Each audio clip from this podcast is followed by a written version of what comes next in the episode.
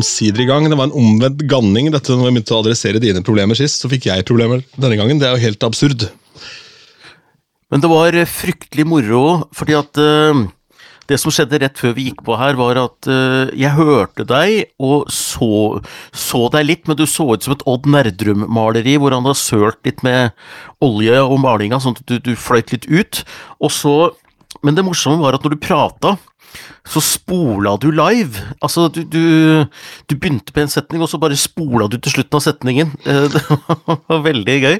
Så jeg tenkte at den egenskapen skulle jeg ønske at flere hadde, egentlig. For når jeg prater med dem, så tenker jeg at eh, det hadde vært fint om du bare kunne spole litt. Eh, så det var faktisk litt fint. Du skulle egentlig ønske at du hadde den egenskapen til at du kunne trykke spol hos folk, ja. At du bare kunne ja. ja. Og spole tilbake også, hvis det er ting du ikke får med deg. bare Et par akk tilbake, så ja, stemmer det det du sa, ja. En sjelden gang, men eh, stort sett så har jeg nok behov for å spole framover. Ja, det er jeg nok enig i. Skal vi se, dette er Grand Prix-podkasten. Velkommen til gards. I dag eh, på denne siden av apparaturen Ronny Bergersen, og på andre siden Anders Tangen, også kjent som Velgjøreren. Og det var jo et veldig hyggelig kallenavn, syns jeg. ja, jeg følte meg litt som velgjøreren nå, fordi at det, eh, det er altså helt spinnvilt nede i Liverpool nå. Det er så mye Airbnb-gangstere og hotellgangstere. Eh, jeg har hørt nå flere som har mista overnattingen sin fordi at eh, med, med, Det er skamløst. De, de, gidder ikke finne på noen unnskyldning engang. De sier bare at, uh, at det, det ble cancelled pga. at uh, de hadde ikke fått omstrukturert prisene pga. Eurovision.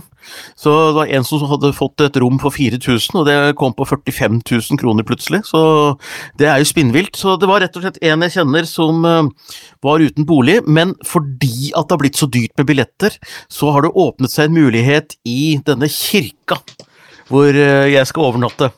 Så jeg har tatt med meg nå noen flere inn i dette kirkeasylet, som skal, som skal være der sammen med meg, da. Uh, i, I, denne tida her. Jeg vet ikke hva som er verst, om du har blitt sånn kirkeasyl-innkaster eller pimp. Det er en av to. Det er en av to, eller kall meg menneskesmugler. Det går også fint. Uh, jeg er han som kommer gående med dem og sier at uh, he needs some place to stay. He's uh, his uh, problem with Eurovision. Ja. er det er det én fyr som ikke hadde klart å foreta en sånn menneskesmuglingsoperasjon, så er det deg. altså. Hadde, hatt, mm -hmm. altså du hadde ikke klart å snakke deg gjennom den, eh, den grensekontrollen om det sto om livet? Det har jeg gjort. Jeg har, jeg, har uh, smugla en estlender inn i Norge uh, i sin tid, i 1990 én var det faktisk. Eh, da var vi med sånn hjelpesending til Russland. Eh, og var i en russisk by som heter Pskov, og så var vi innom Estland. og og det var det en fyr som het Pjotr, eh, som ikke er et veldig estnisk navn, mer russisk navn egentlig, og han hadde ikke noe sted å bo og hadde det ikke så greit, og han ville gjerne være med til Norge, så vi putta han bak i varebilen og fikk han med oss, vi. Så uh, hvor er det nå, det vet jeg ikke, men uh, det var ingen som spurte noe mer, ingen som sjekka baki Så jeg har uh, smugla et menneske, men det var velgjørenhet, det. Jo da, men da ble du ikke stoppa i kontrollen. Jeg tenkte mer på sånn Nei, nei, nei. Ja. Sånn, ja, nei. Tenkte nei, mer over Rio Grande, jeg. Vi hadde med oss en gal danske som sto for pratinga der, og han, han snakka så skal vi si, så både fort og urolig og var bitte liten og veldig langt skjegg, så jeg tror ingen gadd egentlig å krangle med han. Det er jo en helt egen vits, det der. Nordmannen, dansken og esteren. ja.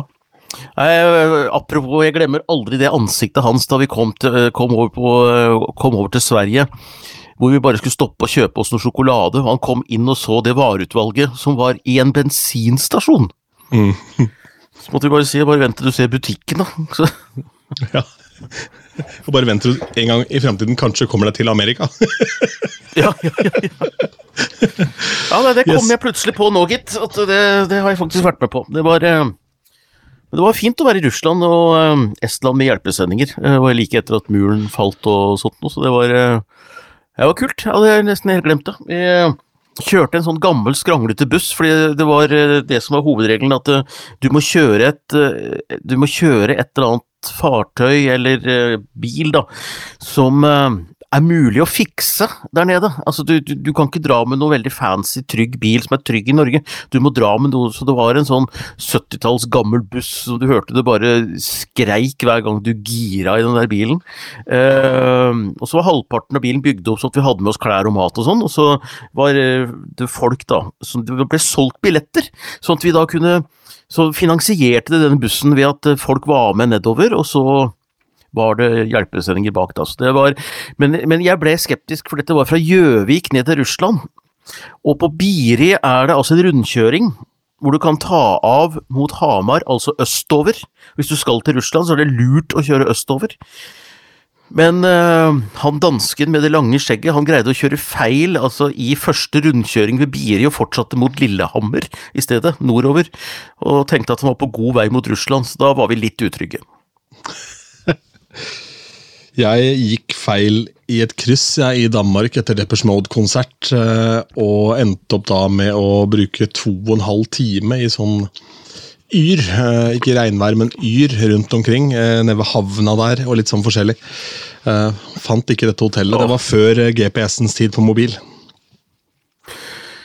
Ja, nei, og du har ingen å spørre heller om veien, eller turte du ikke spørre noen? Det var ingen der, for vi gikk jo da nede langs en sånn hovedvei eh, plutselig. Eh, så nei, det var ingen å spørre, det var ingen steder, det var ingenting. Det var bare å gå og gå og gå. Helt håpløst. og det er, det, det er blytungt, altså. Yes. La oss snakke om eh, Eurovision, siden dette tross alt er Grand Prix-podkasten og vi nå er ferdig med Grand Prix. Nå er det Eurovision som teller. Eller I første omgang så teller det at uh, Sverige har sendt, sendt Loreen da, til, uh, til uh, Eurovision. De ble nummer to, Marcus Martinus, og det lå jo veldig i korta. For det er vel ingen som ikke har svensk statsborgerskap som har vunnet Mello noen gang? Nå spør du vanskelig, men jeg tror ikke det. Nei, Svaret er nei. For det så jeg det var snakk om noe statistikk her, statistikken var imot Marcus Martinus. Så hvis en eller annen journalist i TV 2 i hvert fall har gjort sin, eh, sin innsats, så um, Nei, det var, vel, det var Aftenbladets eh, journalist som sa dette her til TV 2. At det er jo ingen med svensk statsborgerskap som har sagt det. Så da får vi jo stole på at det er sant, og så får vi bli korrigert Absolutt. i etterkant. Men mm. nei, de gjorde jo hele innsats, syns jeg, og det var ikke så langt ned som det kanskje burde, man kunne regne med at det kunne bli, for hun var jo storfavoritt, så det holder. Hun var storfavoritt, og jeg må si at jeg jeg ble overbevist, og, og jeg ble irritert. Jeg, jeg, jeg, ble rett og slett irritert på Lorén og Sverige på lørdag, fordi at de er så fordømt gode på dette her.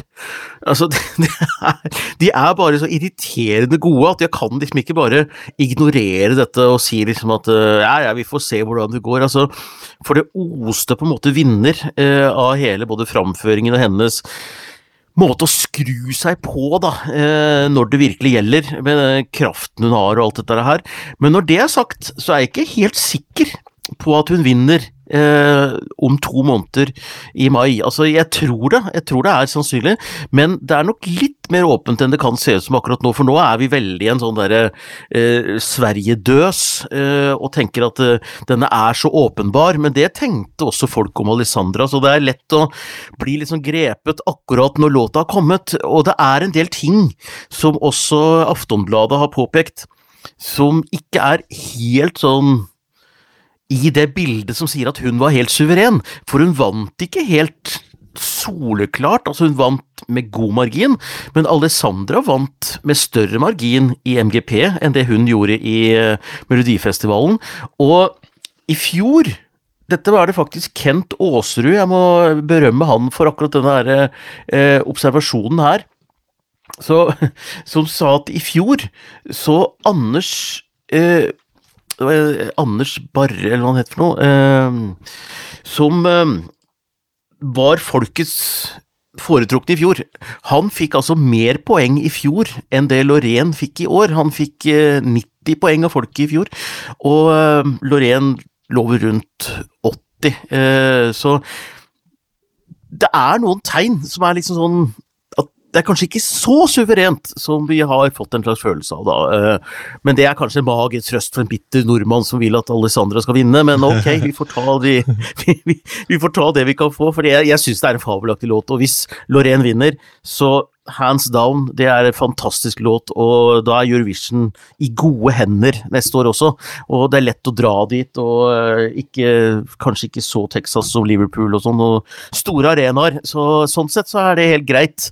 Men jeg er ikke så sikker. Jeg er ikke sånn Jeg er ikke blant de som sier at nå er det avgjort. Det tror jeg ikke. For eh, men, vi, men så mener jeg også, dette mener jeg helt seriøst, hvis ikke Sverige vinner, så er det Norge som tar det. Det, er begynner, litt, det begynner jeg også å bli litt overbevist om, faktisk. Mm. Ja. Jeg tror det.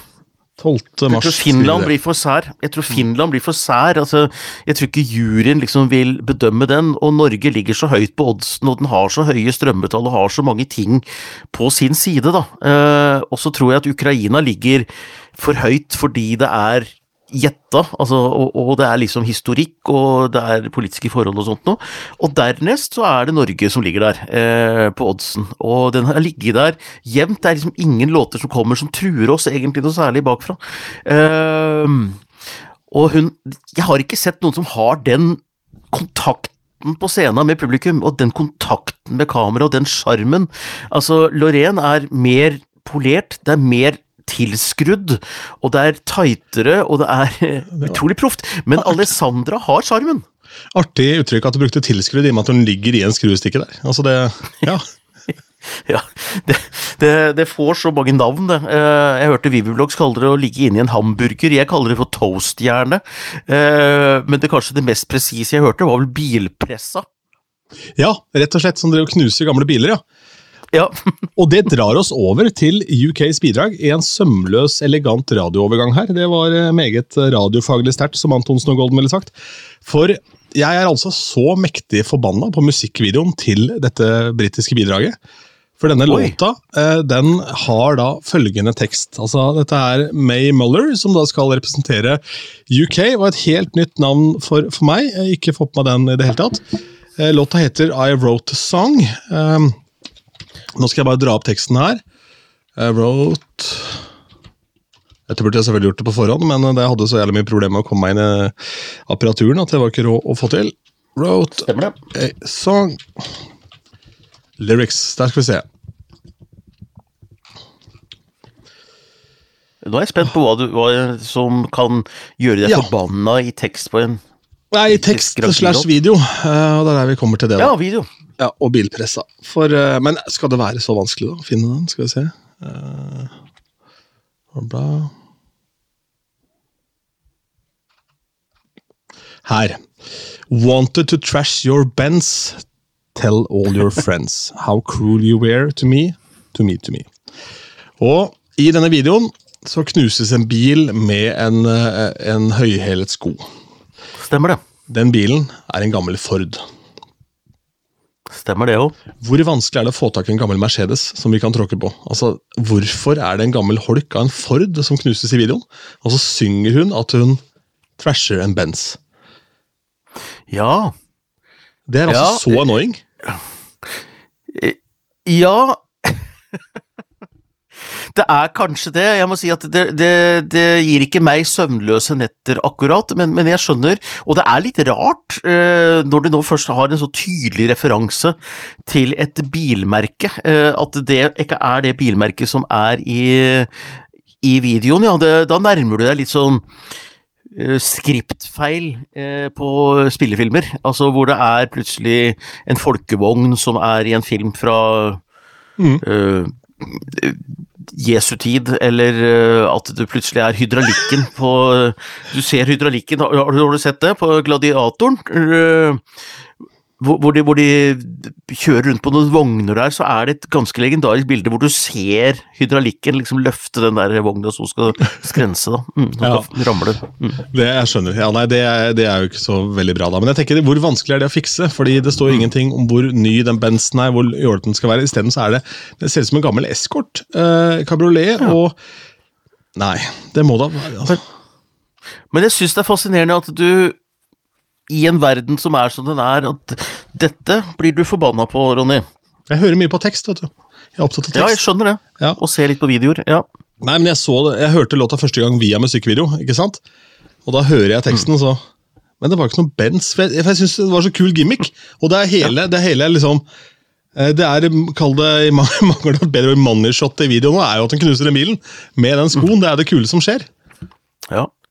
Nei, jeg skjønner. Øhm, jeg, jeg beklager, jeg klarer liksom ikke å bli smitta av dette her. øh, Jeg, jeg kjenner at det, det engasjerer meg ikke sånn innmari, skjønner jeg, men, men, men du har min sympati, for jeg har også mine ting som jeg kan gå rundt og irritere meg over. Øhm, men, men akkurat dette er ikke helt der, da. Men, men jeg skjønner deg.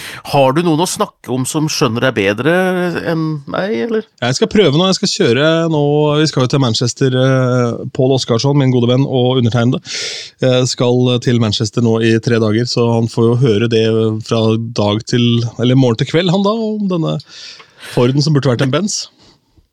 Ja.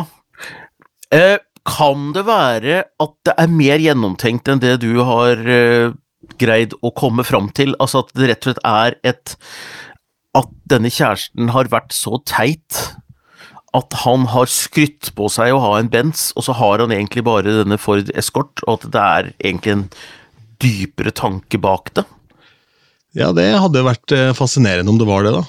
Eh, Bare som en trøstetanke. Mm. Eh, jeg tror ikke det, men eh, da har du i hvert fall det å tenke på, tenker jeg. Ja, because you're out outside your house for everyone to see. Wanted to trash your bands, tell all your friends. Um, det er veldig lite i teksten som tilsier annet han, han ljuger jo åpenbart. Da, for han skulle jobbe med sin mentale helse, så var han utro. Men ja, kanskje. Kanskje alt var løgn, da. Dette Ja, Ja. Nei, jeg bare, prøver, jeg bare prøver å gi deg en uh, natt hvor du får sove godt. Det blir jo ikke noe av.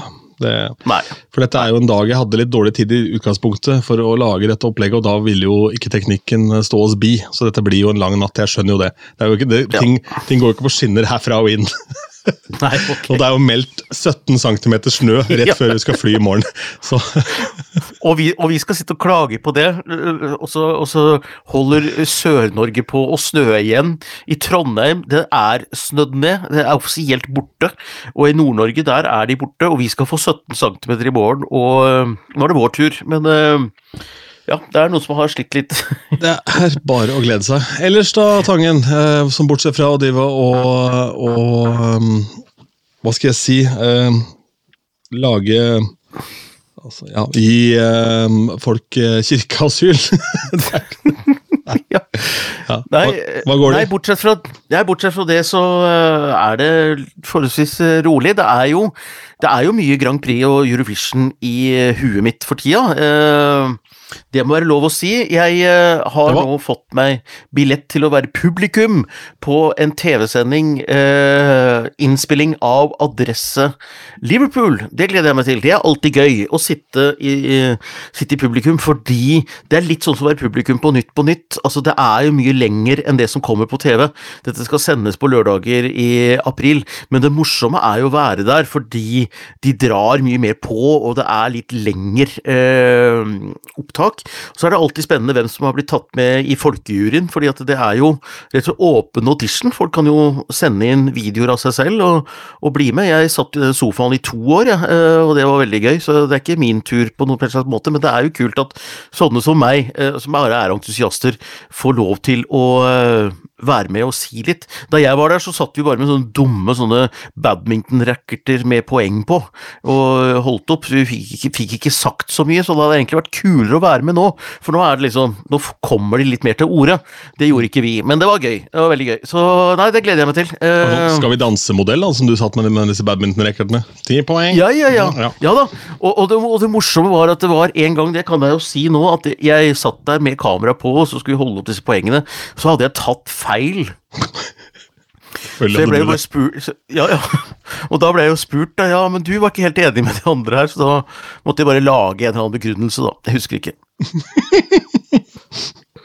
Ja, men det, det høres tangensk ut, ja. Det gir mening.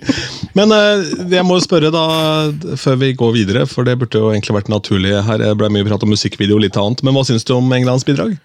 Ja, det var det. Jeg trodde aldri du skulle spørre. Nei, jeg eh, det, Nei, jeg syns det er eh, godt at de også i år virker som å mene alvor, da. Altså, de, de har en poplåt som eh, er decent. Det er ikke en låt som kommer til å kjempe i toppen. Det er heller ikke en låt som kommer til å kjempe i bånn. Jeg tror den ligger omtrent der oddsen sier den skal ligge, rundt en sånn sjette-sjuendeplass. Og det er respektabelt, det. Jeg syns den er glad og lett. Og eh, jeg syns hun har en kul attityd eh, i videoen, selv om det er en Ford Escort og ikke en Benz. Hun uh, tråkker ned med hælen sin. Jeg syns den er litt sånn Jeg syns videoen er litt uh, morsom, og så syns jeg det er et en kul innfallsvinkel i låta som sådan, da.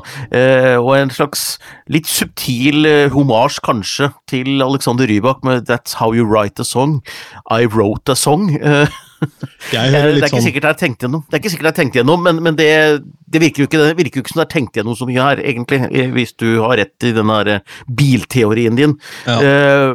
så er det sikkert ikke tenkt gjennom at det er en slags homasj til Rybak, men det er en morsom liten tilbakepek, da. Det Vært, vært en veldig rar homasj til Rybak med en låt som gjorde det ganske dårlig.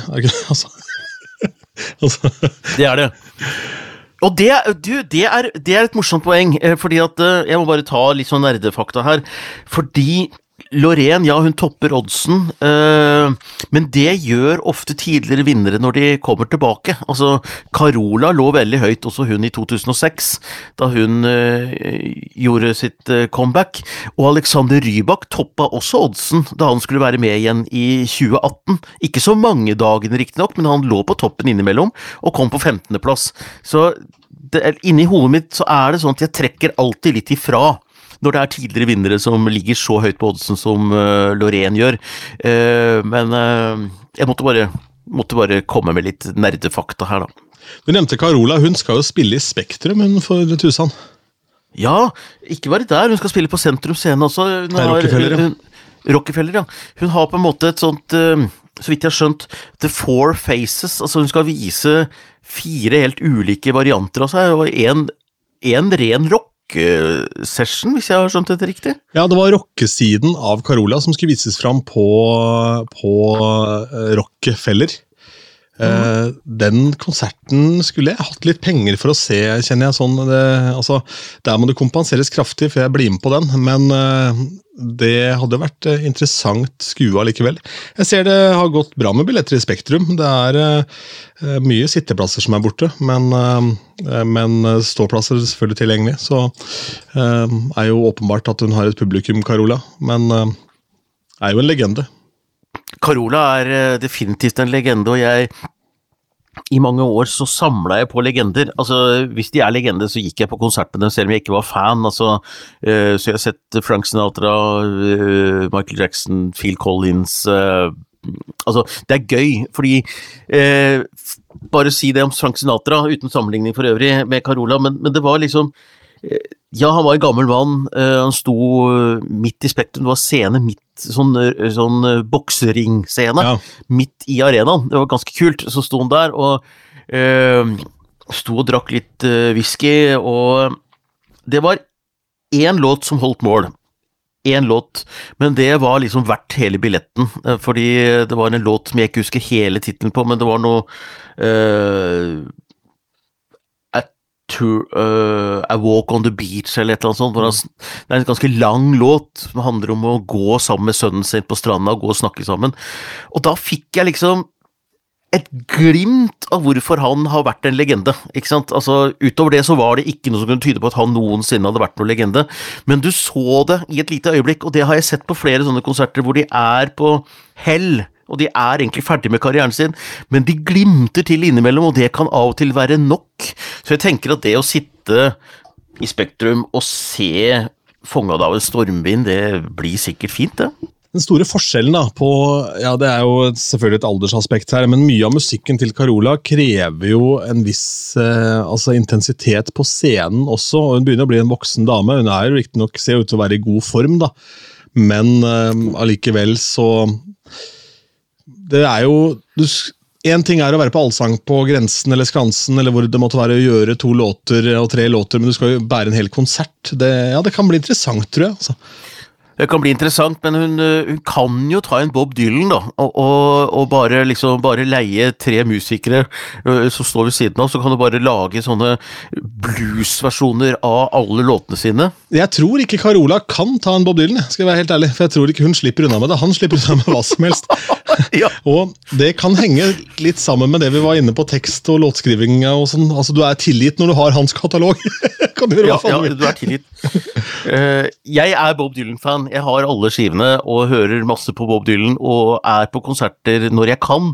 Men en gang måtte jeg gå, altså, for jeg kjente ikke igjen en eneste låt. Og det, og det, var, altså, det var så lang konsert i Spektrum. Det, og han hadde ikke unnet seg noe lys heller. Han hadde par-tre sånne grisetryner, og så sto det folk og spilte kontrabass og noen bluesversjoner av låtene, og det varte og det rakk, og jeg kjente ikke igjen noen ting. Og da tenkte jeg, hvem er det som liksom lider av at jeg går? Jeg har like stor respekt for fyren om jeg går. Altså, det er ikke fordi jeg misliker han, men jeg mislikte akkurat den konserten for meg da. Ehm, så eh, Jeg har, jeg har en kamerat som samler på legender, akkurat som du nevnte. og Han Ja. spurte meg dette om Bob Dylan, så sa jeg hvor mange Bob Dylan-låter har du et forhold til? Har du et forhold til noen flere Bob Dylan-låter enn Knockin' on Heaven's Door og All Along the Watchtower?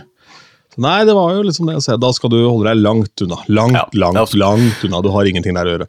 Overhodet. Um, men Men det er helt riktig. legender, på fredag så fylte en, 60, en herremann 60 år, som eh, er eh, kanskje tidenes mest Hva skal vi si? Eh, Jeg har lyst til å kalle han tidenes mest eh, allsidige og underfundige musikkprodusent.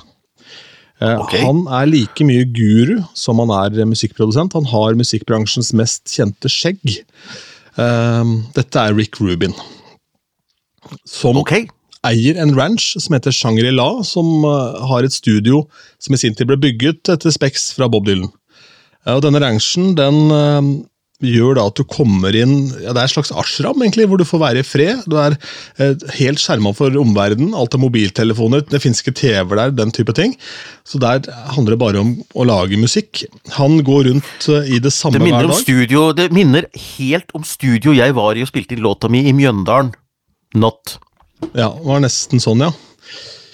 Ok, vi går videre. Eh, Men i hvert fall, eh, jeg håper kanskje ikke din produsent gikk rundt i det samme hver dag. Han har jo sikkert veldig mange skift her, da, men han har en svart shorts og hvit T-skjorte.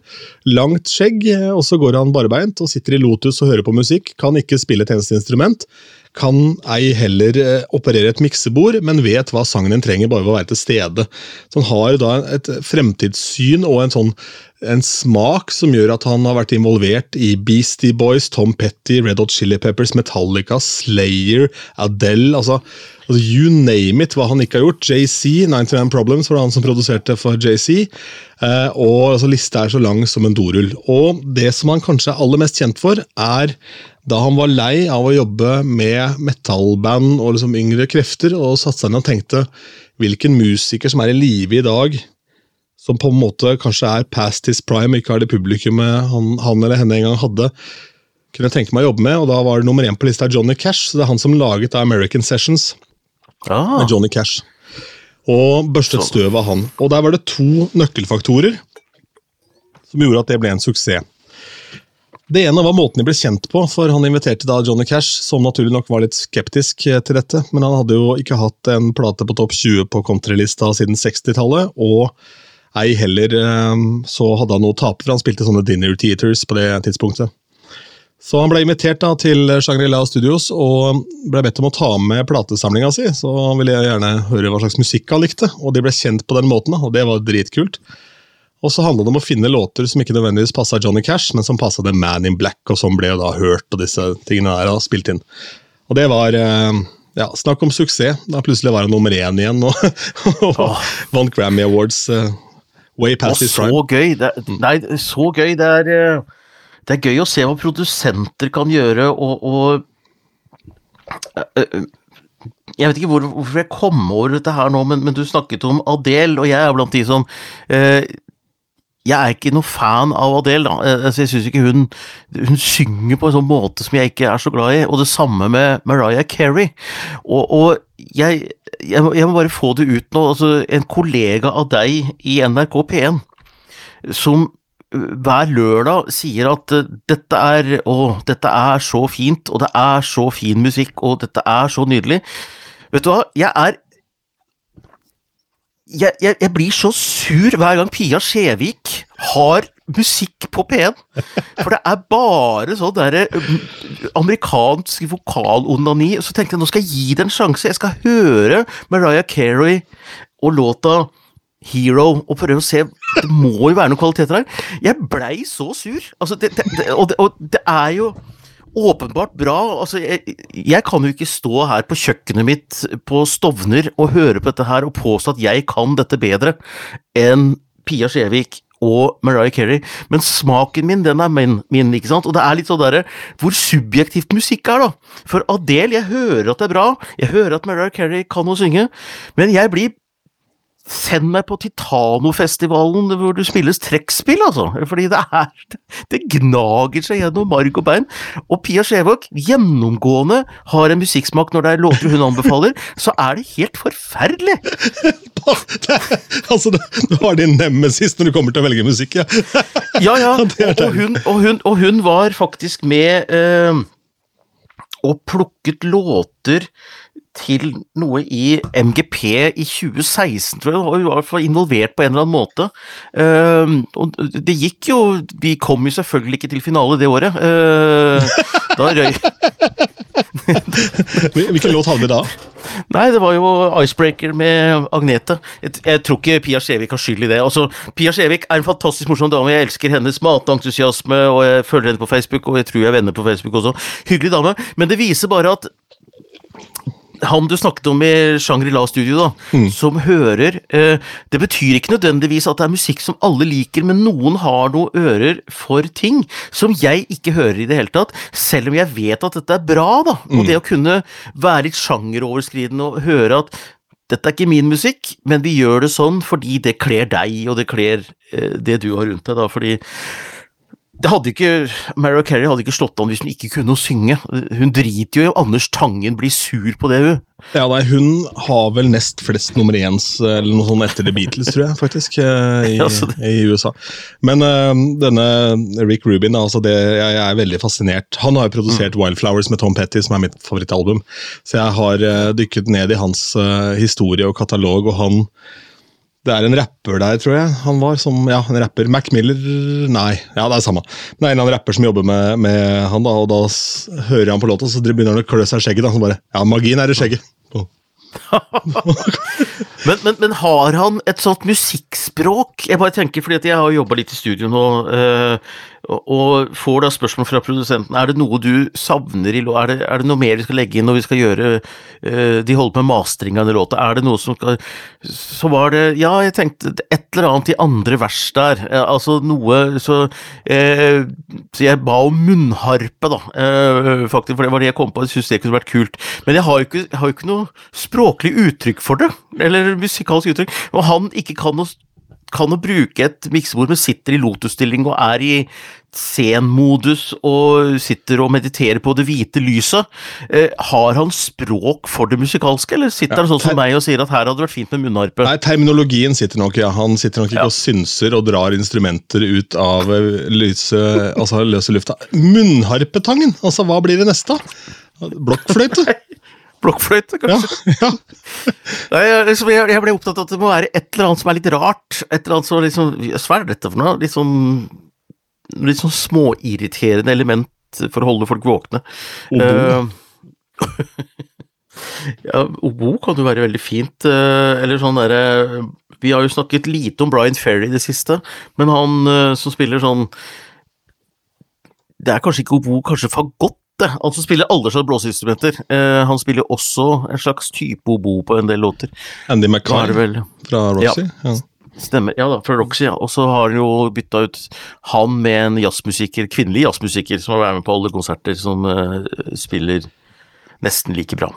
Mitt favorittøyeblikk, uh, det er på den låta 'Dance Away', hvor de slår på den der den lille ja. ja. Og det er også så sexy når det dukker opp på konsert. Eller, ja, det er det. Ja. Det... Eller så, eller så i, i, eh, Eurovision i år så er det altså Malta stiller uh, i år med en låt som uh, heter uh, Dance. Our Own Party, The Busker. Og det er altså For meg, jeg liker den. Jeg har den i topp ti. Det er det ingen andre som har. Vi får se om dette blir samme som at jeg hadde Armenia i fjor. Det var jo Snap, som egentlig ingen skjønte hvorfor jeg hadde i topp ti.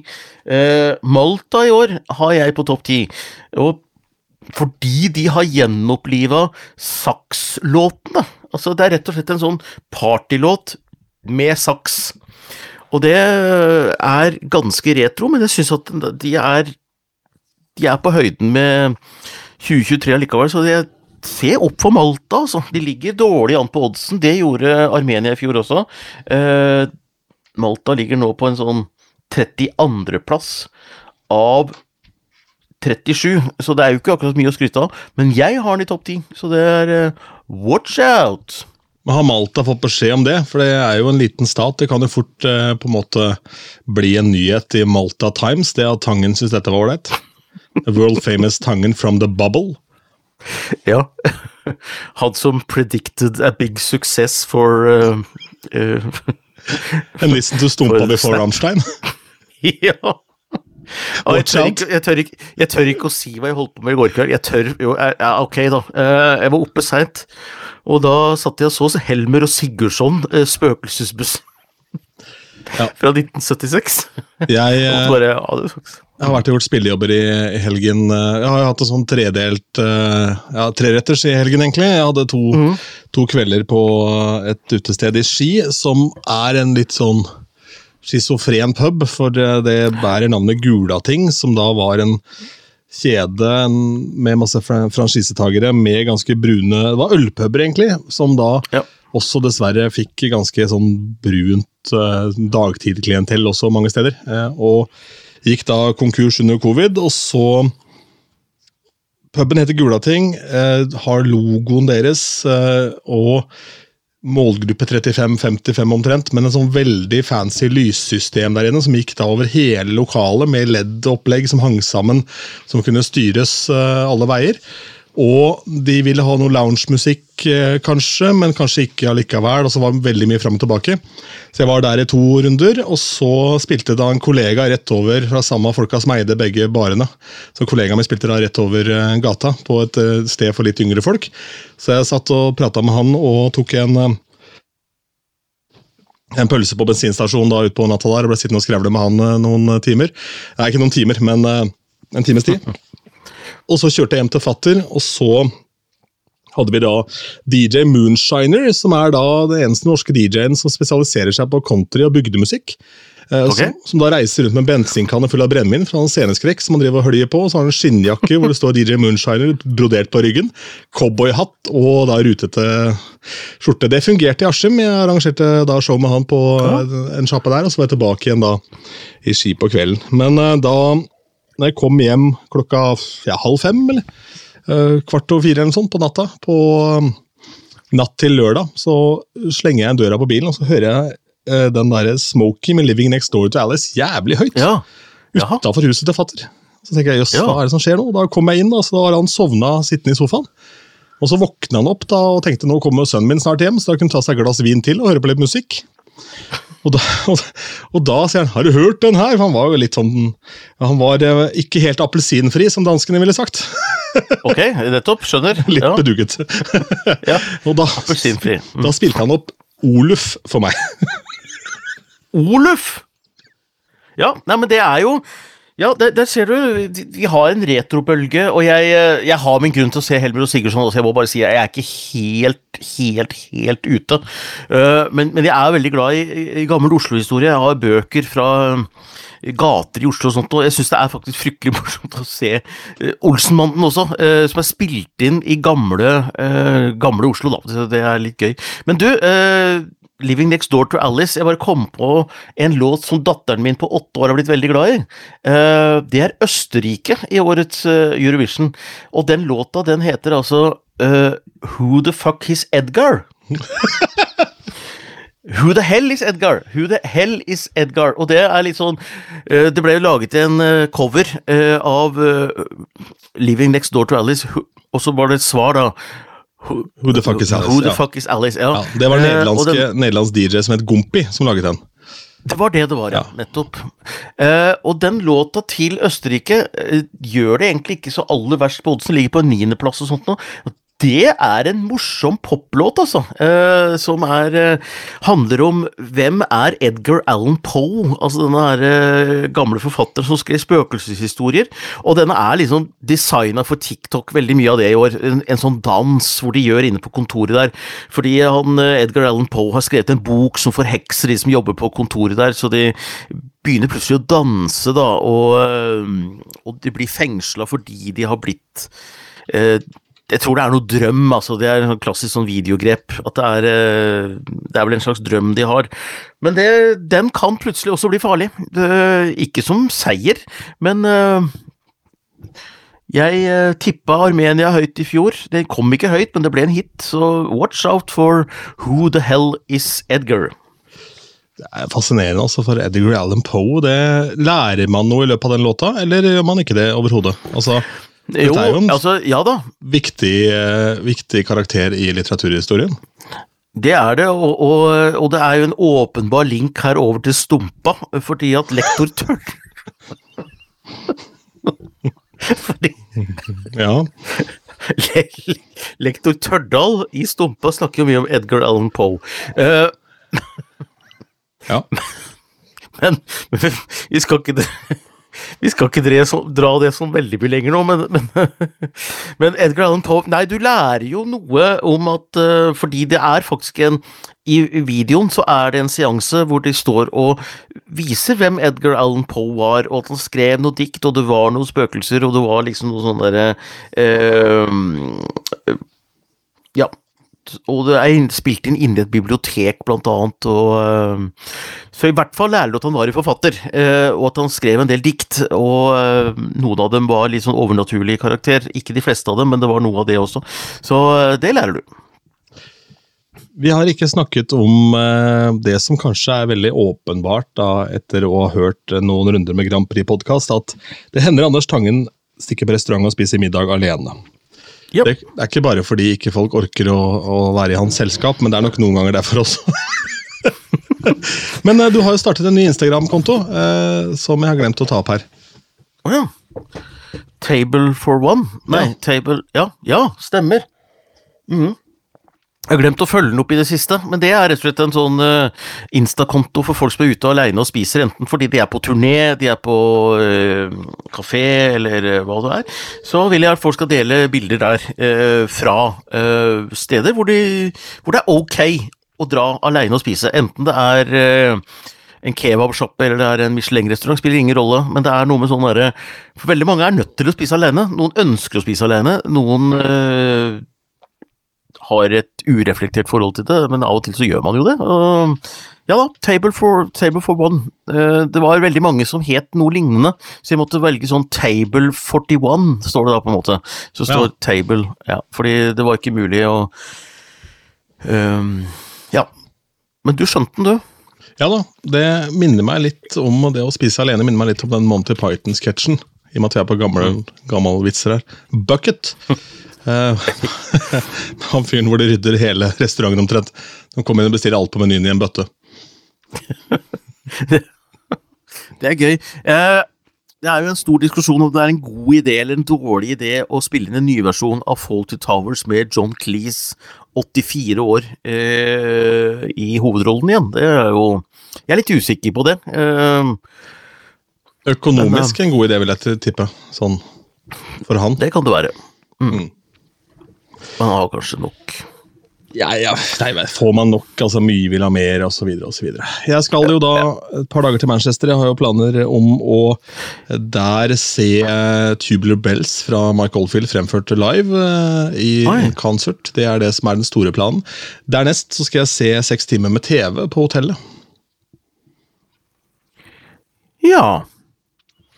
Nei, men det Jeg dro til London og så Maskorama-finalen, jeg, eh, på rommet. Mm. Men eh, hvorfor må du dra til Manchester for å sitte seks timer og se på TV, egentlig? Det skal Eh, sies at det, det er et eh, på å si hell i uhell, men det er da praktisk at jeg skal til Manchester nå. For nå er det mulig å benytte disse seks timene der. Nei, det henger sammen med at en av de beste krimseriene jeg noen gang har sett i mitt liv, er britiske Happy Valley. Uh, hvis ikke du har sett Happy Valley, så er det helt åpenbar uh, kikking, altså, hvis du liker krim. Det er så Er det bedre enn Helmer og Sigurdsson også? Ja, den er på høyden i hvert fall. Mm. Mm. Det er ikke Det er vanskelig å dra parallellene. Det er fra en annen tid. Ja, alt er for en annen tid. Det er korrekt. Ja, Eh, Det spilles, eh, og det, det som også er gøy, er at det er eh, kvinnelig, godt voksen kvinnelig hovedrolle. Det er veldig sjeldent, egentlig, i eh, TV-serier. At man har det. Og mm, hun eh, spiller da politietterforsker et lite sted i England, og så dukker det opp da noen som jævles med denne lille byen, og hun må ta seg av dette, denne politietterforskeren.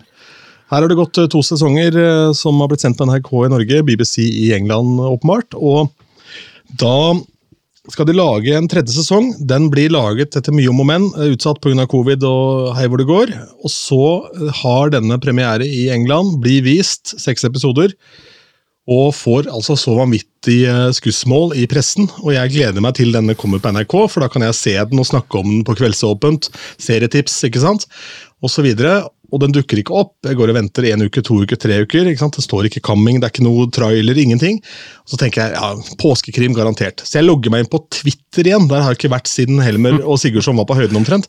Uh, 1974. ja.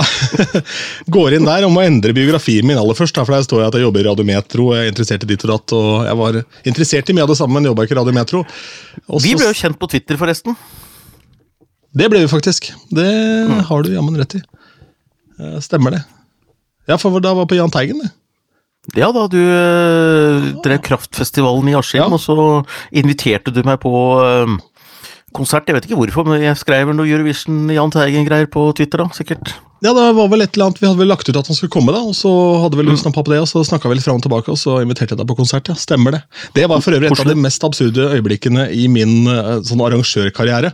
For samtidig som Jahn Teigen, eller det som var igjen av Jahn Teigen, sto på scenen oppe i Folkeparken, så var det altså et Jahn Teigen tribute-show som foregikk da nede i byrommet.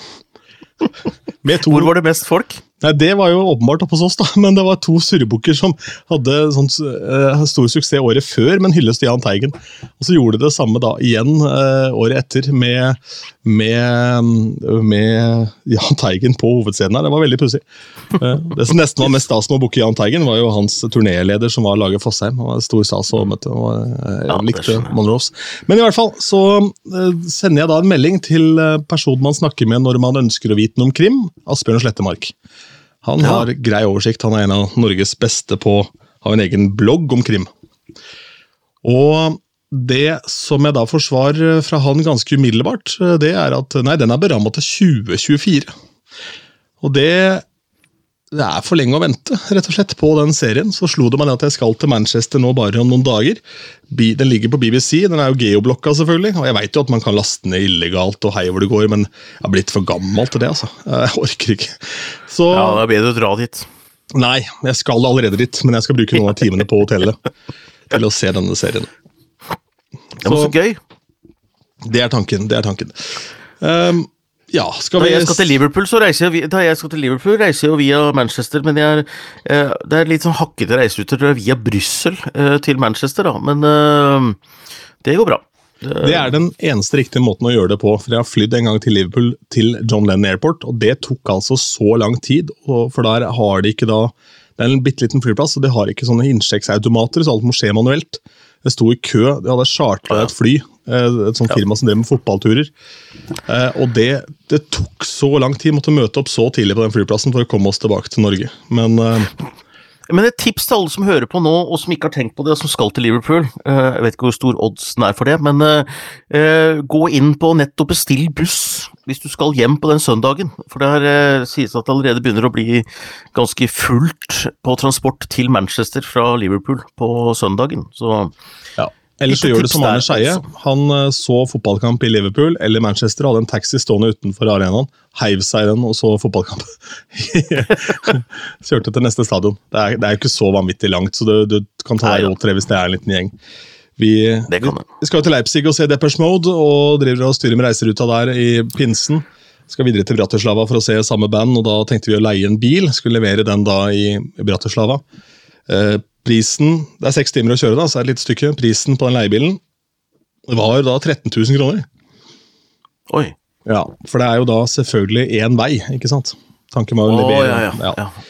Eh, og da fant vi ut da hvis vi kjører tilbake også, så fikk vi hele sulamitten under 2000, og da hadde vi også oppgradert leiebilen fra en Opel til en Mercedes C-klasse. Så da ble, da ble det tur-retur. Pass på at den ikke blir knust av en kvinne her, da. Nei, det er ikke noe fare, for hun knuser bare Ford. Ja, skjønner. Takk for oss.